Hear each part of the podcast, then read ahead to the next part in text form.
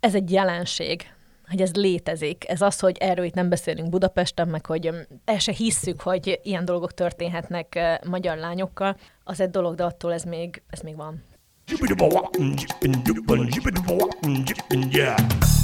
A Líra könyv bemutatja a 24.hu könyves podcastjét, a Buksót.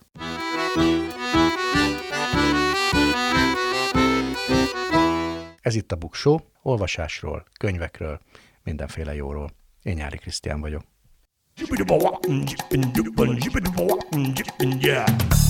Mai epizódunk főszereplői a dokumentumregények. Ajánlok is majd a top 10-ben tizet, szerintem a legérdekesebbeket, legjobbakat a közelmúltból. És mai vendégem Gyurica Katarina is dokumentumregényeket ír, a legutolsóról fogunk beszélgetni, meg egyáltalán, hogy hogyan is dolgozik egy regényíró, aki valós eseményekből, meglévő dokumentumokból, interjúk alapján írja az egyébként szépirodalmi színvonalú és igényű regényeit. Végül pedig a legnagyobb magyar írók listáját fogom bemutatni önöknek. Kíváncsi vagyok, hogy kitalálják-e, ki a legnagyobb magyar író.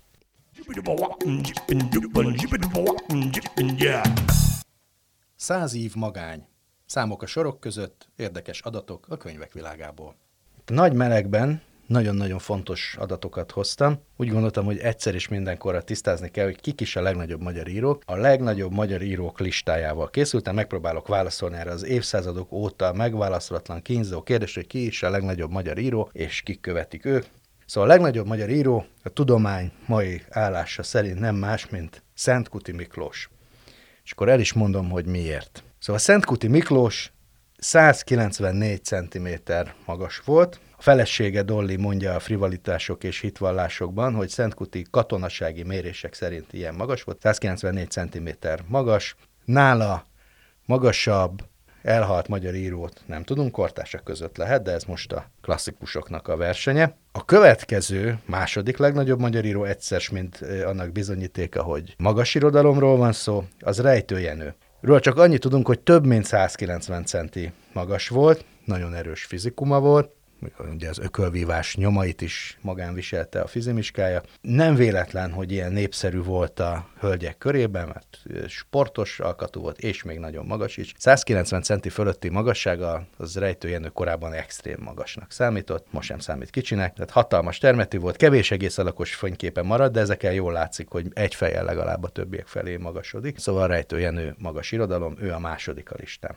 A harmadik az talán meglepő, egyik kedvencemről, Tersánszki Józsi Jenőről van szó.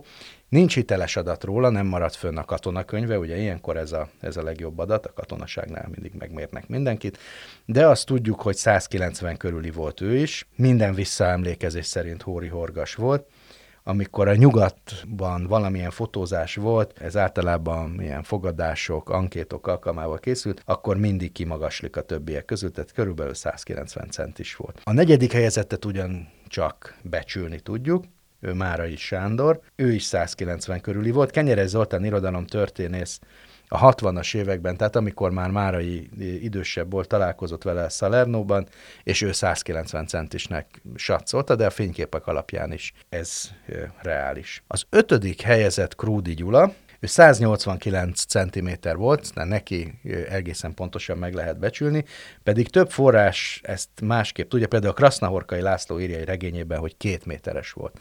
Szóval nem volt ilyen nagyon magas, de azért elég magas volt. Szabó Eden nevű szerzőnek van egy monográfiája, ahol a katona könyvadatait is közlik, és ott abban hát csak idézőjelben 189 cm-rel szerepel, ezért is kellett például mindig csináltatott öltönyökben járnia, meg persze a finom úri stílusa miatt. Családi fotókon is látszik, hogy kimagaslik a többiek közül, és hát ráadásul roppant elegáns volt, meg szépen őszült, úgyhogy már csak ezért is a hölgyek kedvence volt.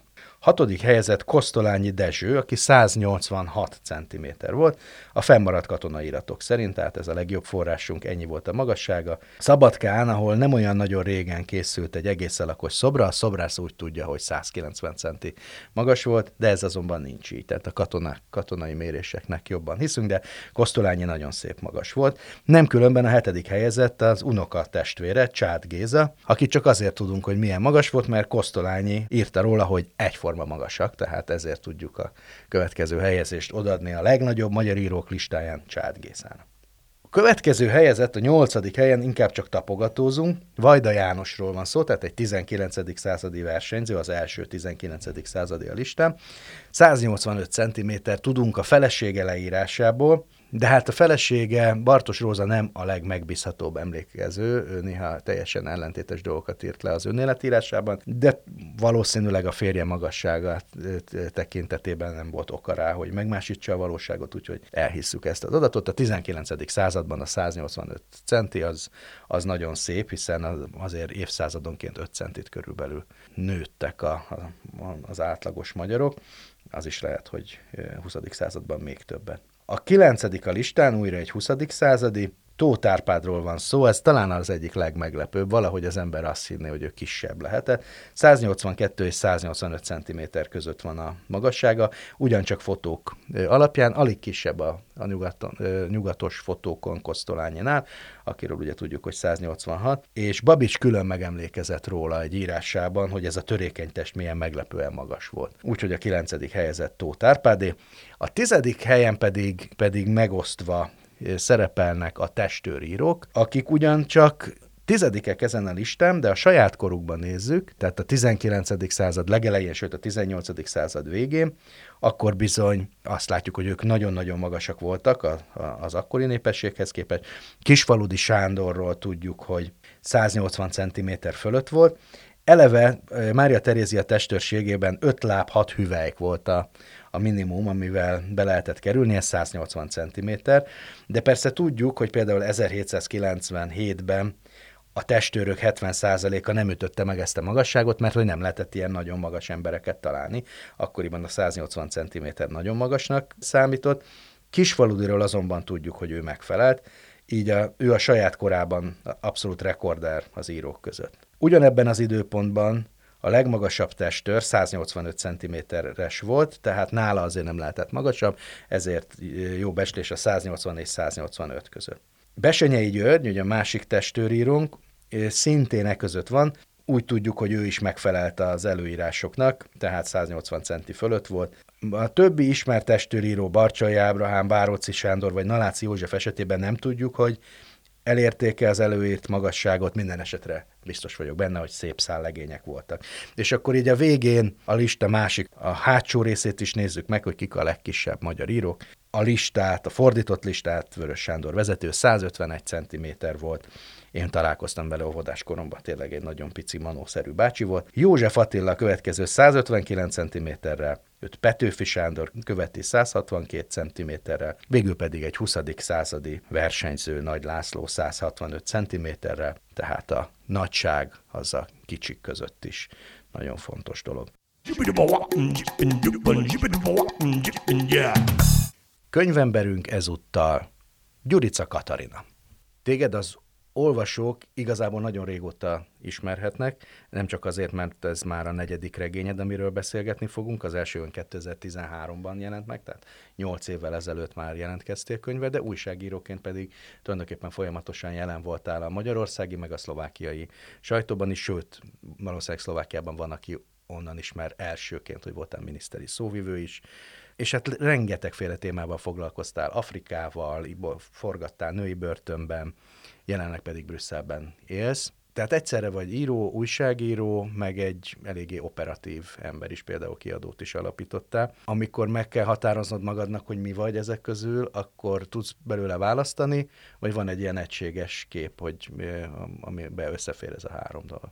Időszakos általában egy dologgal foglalkozom, most éppen regényt írok, vagy befejeztem egy regényt, akkor azt kiadtam, és mindig azt határozom meg. Amikor újságíróként dolgoztam, akkor semmi más nem csináltam. Akkor úgy határoztam meg magam.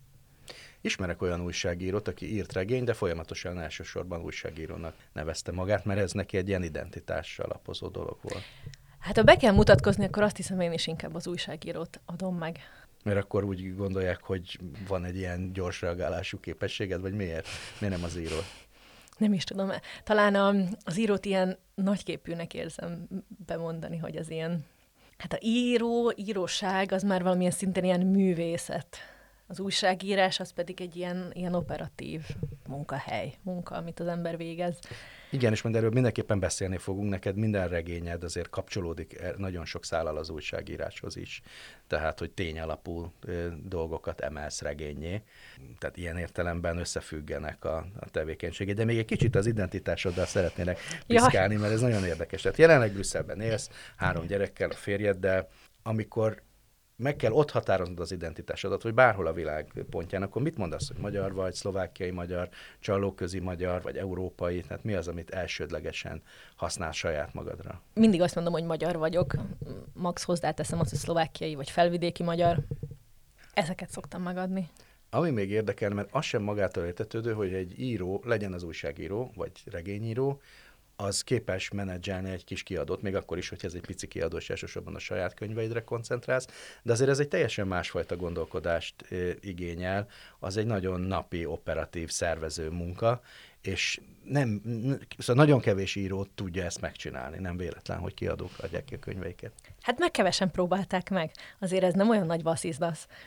Hát van ugye a regényelásnak az a része, legalábbis nálam, ami, ami ilyen újságírós hogy kutatómunka, emberekkel találkozom, a napjaim nagy részében elmegyek azokra a városoknak, azoknak a részeire, ahol, ahol tudom, hogy valamilyen jelenet fog játszódni. A témámnak a különböző szereplőivel, mindenkivel beszélgetek, rengeteg emberrel, mielőtt leülnék írni, és amikor eldöntöm azt, hogy rendben most már csomó anyagom van, csomó hangfelvételem, fotóm, akkor leülök és írok. De ez alapvetően egy nagyon magányos műfaj, hogy úgy néznek ki a napjaim, hogy elviszem a gyerekeket az iskolába, óviba, leülök az üres szobába, nincs zene, nem megy semmi, és akkor ott egy üres Word dokumentum, meg a tonnányi jegyzetem, és akkor írok. És sose vagyok benne biztos, hogy ez elég jó, újraírom, áttírom, vagy nem igazán találkozok emberekkel, nincs ott körülöttem senki.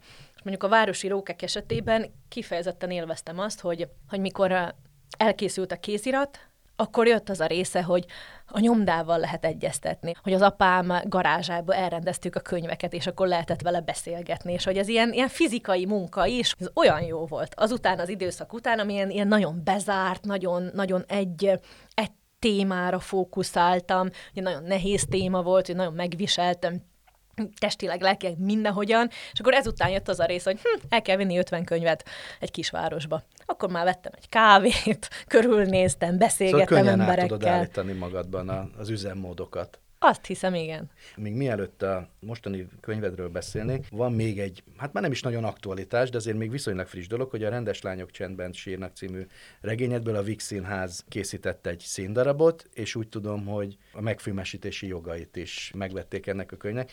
Könnyen engeded el, hogy más foglalkozzon vele? Az utóbbi voltam abszolút, hogy én azt éreztem, hogy megírtam azt a regényt úgy, ahogy tudtam, de egy regényt írni az valami teljesen más műfaj, mint mint egy színpadi adaptáció, hogy az, ami működik regényben, az nem biztos, hogy, hogy színpadon is megállja a helyét. Abba biztos voltam, hogy így fel kell darabolni, hogy működőképes legyen egy csomó minden benne.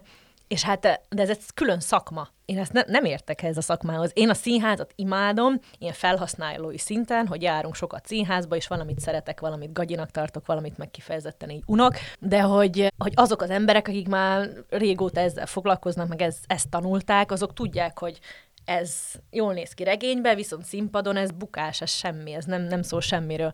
És ilyen szempontból abszolút megbíztam bennük. És be tudtál ülni úgy, mint egy néző, és végignézni, mint egy kívülálló. Igen, a főpróbára utaztam haza, úgyhogy nem, nem tudtam semmit igazából a Vixi házas előadásról előre, nem, nem láttam a díszleteket, a jelmezeket, hát tudtam, hogy kik lesznek a színészek, de hát az, az meg valahol, én nem tudom, nekem eléggé ilyen, ilyen fura érzés lett volna oda menni már így a olvasópróbára így picsogni be, hogy na már pedig én ehhez ragaszkodok. Hát az már, az már milyen, hogy ott vannak... nem is ezek... arra gondolok, de van, ismerek írókat, akik akkor végig ott vannak, és magukénak érzik úgy is, mint alkotó.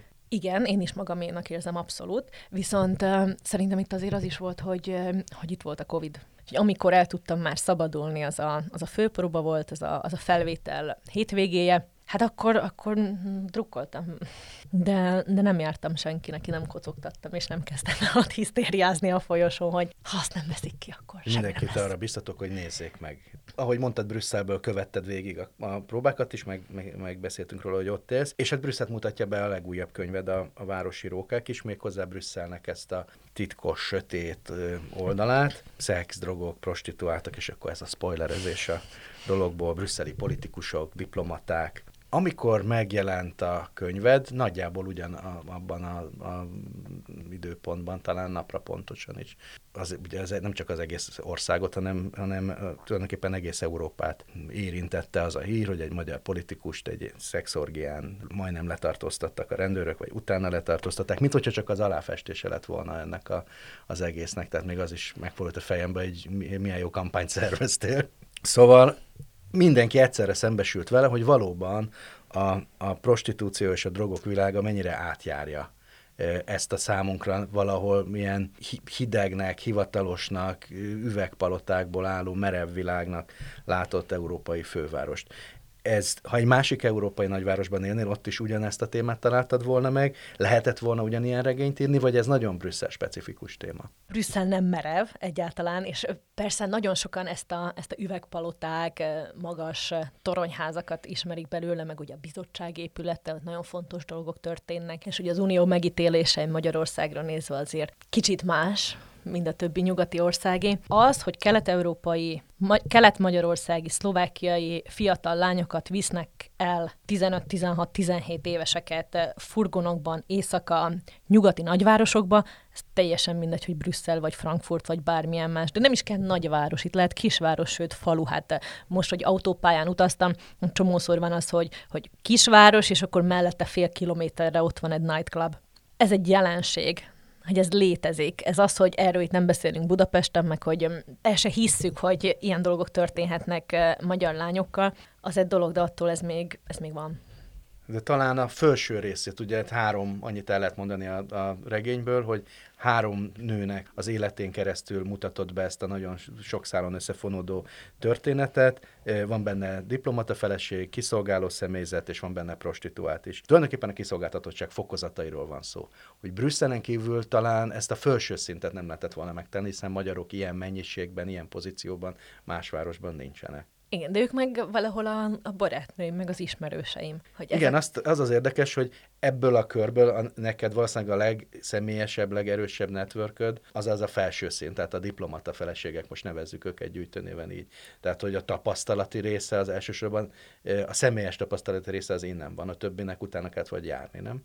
Igen, igen. Ezeket a diplomata feleségeknek a monológiait volt valamilyen szinten a legkönnyebb megírni, mert, mert ugye az ismerőseim leültek a kanapémra, és akkor beszélgettünk. Nem kellett kutatni, és nem kellett sehová sem menni, meg valahol így abszolút bele tudtam élni magam, mert, mert tudom milyen az, hogy, hogyha egy, hogy egy nő kisgyerekeket nevel, és iszonyatosan fáradt, és lestrapáltnak érzi magát, és kihasználtnak érzi magát.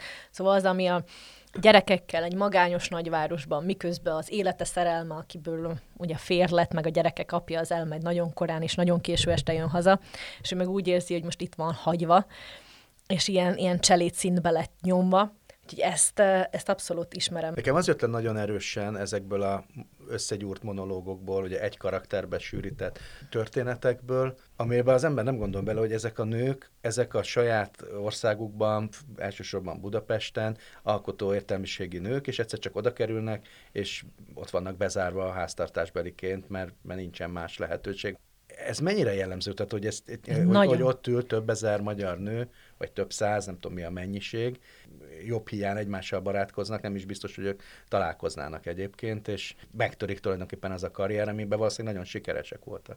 Pontosan, azért azt hozzáteszem, hogy, ez nem egy ilyen magyar jelenség, hanem hogy Brüsszel az unió fővárosa, ott a görög nők hasonlóan élnek, az olasz nők hasonlóan, és azt is mondják, hogy Brüsszel a magányos nők városa, mert általában a férjek azok a, a férfiak, akik kapnak valamilyen visszautasíthatatlan ajánlatot. Ugye egy család szempontjából mindenki azt mondja, hogy hát a gyerekeknek is milyen nagyszerű lesz, megtanulnak franciául, világot látnak, csak pár évről szól az egész, aztán úgy is hazaköltözünk. Aztán ugye a négy év vagy a két év az általában 8 meg 12, onnan már nem biztos, hogy a gyerekeket haza lehet hozni, meg hol a haza ennyi idő után. Lehetne fordítottat találni? Tehát, hogy egy sikeres nő, aki valamilyen diplomáciai állásban van, és ott van neki egy férje, akinek megszakadt a karrierje, vagy, vagy ez, ez elképzelhetetlen, akkor a férj is csinál valamit? Van, de ugye szerintem még ilyen százalékosan se tudjuk meghatározni, hogy mert hogy annyira kevesen vannak. De vannak, igen, találkoztam olyan nővel, aki, aki magas beosztású eh, diplomata, és a férje pedig követte őt és a gyerekeket látja el. De a következő szint a kiszolgáló személyzet, akiket biztos mindenféle szép szóval eufemisztikusan le, el lehet nevezni, mindenféle másképp, tehát mégiscsak a száz évvel ezelőtti cselédségnek valamilyen továbbélő funkciója ez. Velük volt valamilyen napi kapcsolatod, vagy ott az már inkább egy újságírói munka feltérképezni ezt az egész réteget, hogy hogy élnek, hogy kerültek oda, kicsodák ők. Egyáltalán mennyire jellemző mondjuk egy Brüsszelben élő magyar diplomata családnál, hogy vannak háztartási alkalmazottak? Teljesen jellemző, hogy sok, sok ilyen férfival, nővel ismerkedtünk meg. Nekem nagyon izgalmas volt az elején, hogy megérkeztünk Brüsszelbe, és bármire volt szükségem, mondjuk autószerelőre, vagy a kanapénk nagyon koszos lett, és nem akartam kidobni, és ki akartam tisztítatni, akkor mindjárt tudtak egy olyan telefonszámot adni egy másik magyarra, aki ezt el tudta intézni. Úgyhogy minden, lehet úgy élni Brüsszelben, hogy teljesen magyarul él az ember.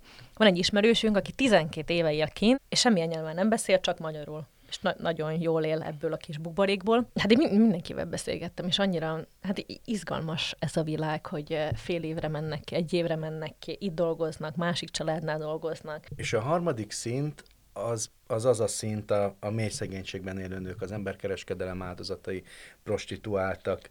Mikor szembesültél az, hogy ez, ez ilyen erősen jelen van Brüsszelben, vagy egyáltalán nyugat-európai nagyvárosokban? Ez mindenhol jelen van. Az egyik barátnőm a Fűvészkent mellett lakik itt Budapesten, és amilyen történetekről beszámol, hogy igazából ezt nem keresi, nem kutatja, nem semmiféle kutató munkát nem végez, csak nyitott szemmel jár, és hogy micsoda sztoriait, sztorikat mesél, hogy kiskorúak kinn az utcákon, és és nagyon fiatal lányok, hogy az egész ilyen pokolnak a legmélyebb bugyra.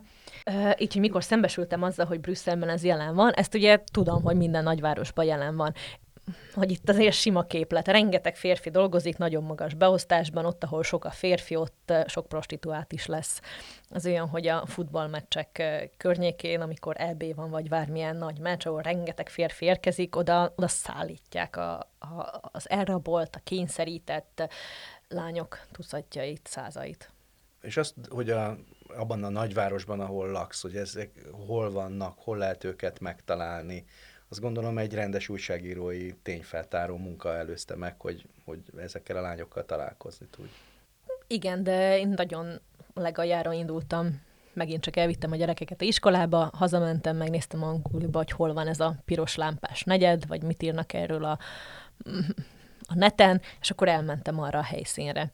És a Gare az, az egyik pályaudvar környékén vannak ilyen kabinos lányok, és ott ismerkedtem meg a jópásztor nővérekkel, akik eh, próbálják is felkarolni, vagy próbálnak segíteni ezeken a lányokon. Találkoztam aztán olyan civilekkel, akik őket segítik, olyanokkal, akik védett házakat üzemeltetnek.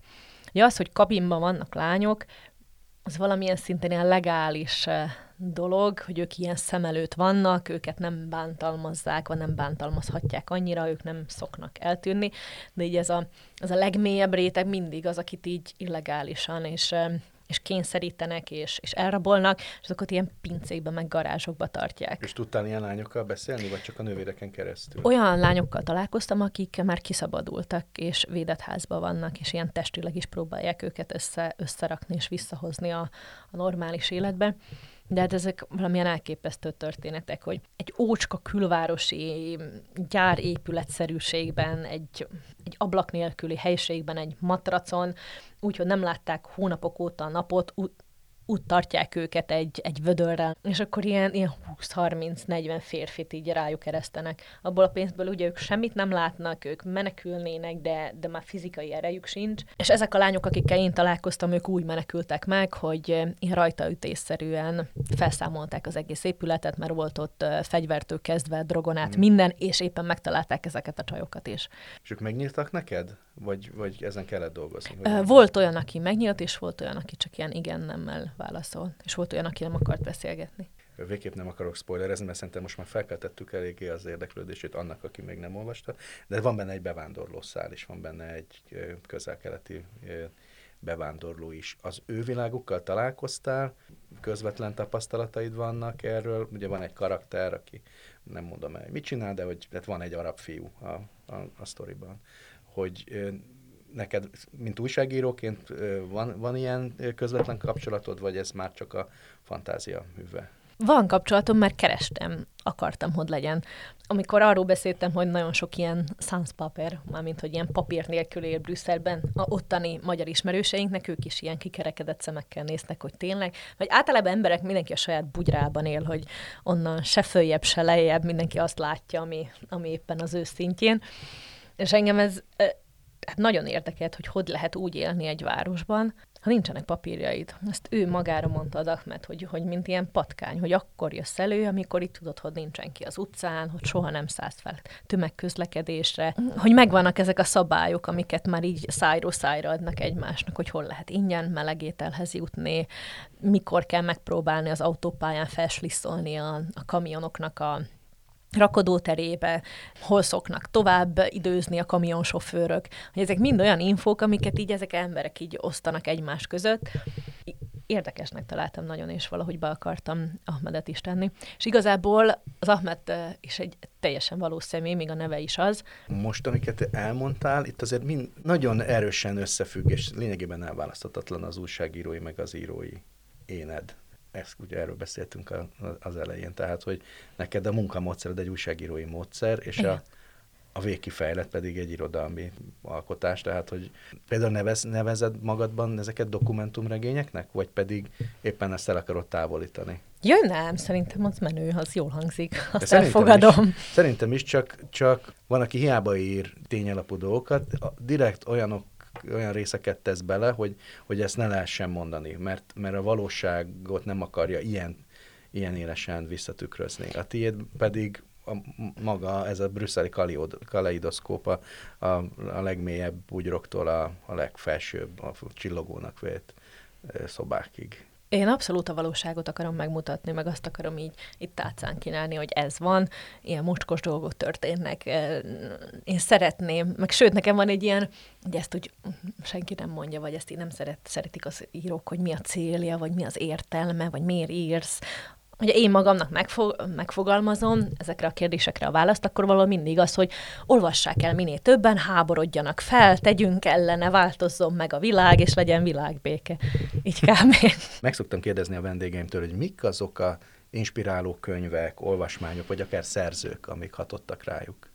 Neked van ilyen az életedben, akár kiskori, akár későbbi felnőttkori? Ó, hát a kiskori, a gyerekkori, vagy ilyen korakamaszkori, az egyértelműen a Fehér Klára Bezzeg az én időmben című könyve, ami ilyen zöld türkiszes pöttyös könyv, és ilyen rongyosra olvastam. Hát csodálatos történet. Az első szerelem, háború, minden benne van. Az egy ilyen nagyon erős élmény volt.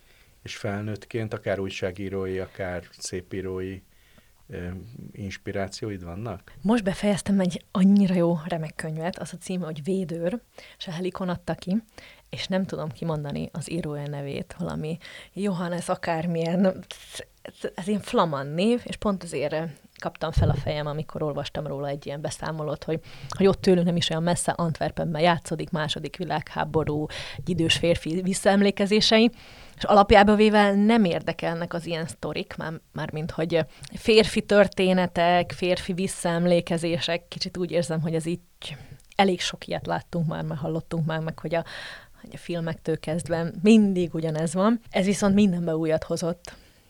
Zseniális könyv. Úgyhogy még mindig ilyen hatás alatt vagyok, hogy kicsit ilyen, hogy ha valami ennyire jó, akkor, akkor én miért próbálkozom, hogy így annyira messze van, vagy nem is tudom, annyira elérhetetlen, vagy annyira, fú, csodálatos könyv.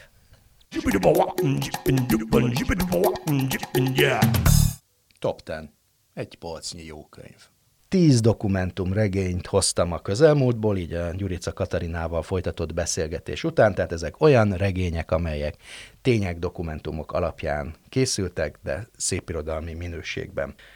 ABC sorrendben közlöm a, a tíz szerintem legjobb dokumentumregényt, és rögtön a, az elején az A betűnél a műfajnak a koronázatlan királynője, Svetlana Alexievics, Nobel-díjas belorusz író szerepel. Egy regényét választottam ki, a Csernobili imát 2016-ból, ami 2016-ban jelent meg először Magyarországon, egyébként 1997-es, ugye az HBO futó népszerű sorozat, a Csernobil is ez alapján készült, de lehetne még sorolni a a nagyon fontos dokumentumregényeit Alexejevicsnek a Nők a tűzvonalban, amely a második világháborúban harcoló nőkről szól, a Fiúk cinkoporsóban, az afganisztáni háború áldozatairól, vagy az elhordott múltjain.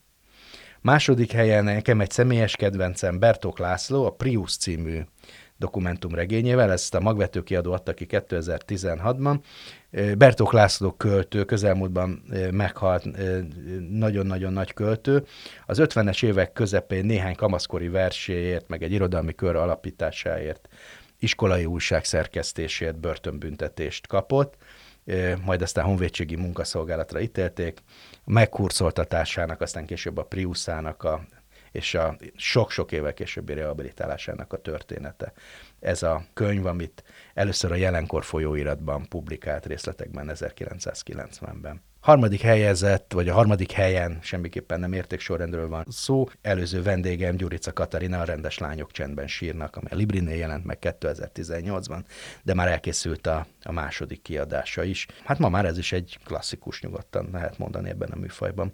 Negyedik a listán, talán úgy etik, hogy Bart van de nem tudom pontosan, hiszen ez is egy, egy holland név. Hiányos fénykép című könyve. 1942-ben Hollandia náci megszállása alatt eh, játszódó könyv, és arról szól, hogy egy zsidó származású házaspár adja a gyerekét egy szerencsésebb sorsú házaspárnak, és eh, ez a kislány egy ideig ott növelkedik, aztán eltűnik a háború után, és Bart van ezt már felnőtt korában rádöbben, hogy van egy családtagja, akinek a létéről semmit sem tud, és ennek a nyomozásnak a története, illetve hát az elő, előzményeknek a története. Ez a holland szerző egyébként Angliában él, és egy rendes Shakespeare kutató. Ez a mm, dokumentum regénye, ahol a szép irodalom irányába nyit, és ezért aztán meg is nyert számos kiváló díjat.